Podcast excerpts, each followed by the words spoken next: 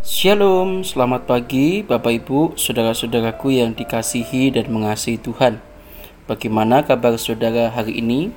Saya percaya kita semua di dalam penyertaan dan perlindungan Tuhan. Firman Tuhan di pagi hari ini terambil dari Mazmur pasal yang 95 ayat yang kedua. Demikianlah firman Tuhan. Biarlah kita menghadap wajahnya dengan nyanyian syukur bersorak-sorak baginya dengan nyanyian Mazmur. Bapak Ibu, saudara-saudaraku yang dikasihi dan mengasihi Tuhan, suatu ketika saya sedang mengikuti sesi pembinaan liturgos. Nah, ketika saya mengikuti pembinaan itu, ada sebuah pertanyaan dari peserta lain yang menggelitik saya. Pertanyaan itu demikian: Siapa yang menjadi aktor ataupun aktris dan penonton dalam sebuah ibadah. Pertanyaan itu membuat para peserta yang lain menjadi bingung, termasuk saya saat itu. Apakah umat yang menjadi penonton sekaligus sutradara dalam ibadah? Ataukah bagaimana? Namun, kalau kita melihat gitu ya, Bapak Ibu, buktinya kalau ada chord yang salah dibunyikan, kita langsung melirik tajam ke arah pemusik sambil berbisik pada diri sendiri. Siapa sih yang main musik itu? Kok salah kotnya?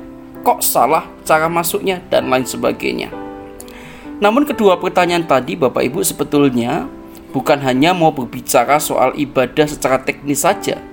Tetapi lebih dalam daripada itu sebetulnya ibadah yang setiap minggu kita lakukan itu untuk siapa? Untuk saya atau untuk Tuhan. Nah, Bapak Ibu, saudara-saudara, kalau kita baca Mazmur 95, sering sekali digunakan untuk menunjukkan urut-urutan dalam ibadah. Di dalamnya ada ajakan untuk menghadap Tuhan dan mendengarkan suara Tuhan. Umat diingatkan supaya mereka di hadapan Tuhan dan mengapa datang kepada Tuhan dengan hati yang siap adalah hal yang penting.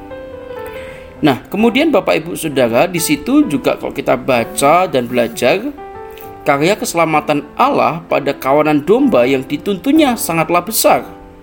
Umat dituntun untuk melalui setiap pergumulan kehidupan yang ditunjukkan melalui meriba dan masa.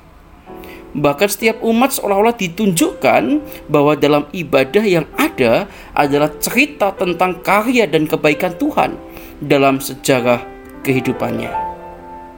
Nah, Bapak Ibu, saudara-saudaraku yang dikasih Tuhan. Lantas, bagaimana dengan ibadah-ibadah yang kita lakukan? Apakah dalam ibadah-ibadah itu kita betul-betul menghayati cerita atau pengalaman iman dan karya bahkan kebaikan Tuhan dalam kehidupan kita? Jika kita menjawab ya, pasti kita akan beribadah dengan hati yang sungguh-sungguh. Karena di dalam ibadah kita sebagai aktor, aktor yang mempersembahkan yang terbaik untuk Tuhan yang melihat ibadah kita. Kiranya firman Tuhan hari ini menjadi berkat buat Bapak Saudara agar kita bisa melakukan ibadah dengan baik karena ibadah kita itu ditujukan kepada Tuhan. Kiranya Tuhan Yesus memberkati kita. Mari kita berdoa. Tuhan di surga terima kasih buat sapaan firman-Mu yang boleh mengingatkan kami tentang apa esensi dari ibadah. Ibadah seharusnya bukan kami menunjukkan kemampuan diri kami di depan banyak orang, tapi ibadah seharusnya ditujukan kepada Allah kepada Engkau yang melihat ibadah kami. Tuhan di surga, tolonglah kami sebagai umatmu untuk kami ketika ibadah kami betul-betul bisa menghayati karya Allah dalam kehidupan kami lewat pujian yang dinyanyikan, lewat alunan musik, bahkan lewat firman Tuhan yang diberitakan. Biarlah itu mengajar kami untuk menghayati makna ibadah itu. Tuhan tolonglah kami, sertailah kami, dan bimbinglah kami ya Tuhan.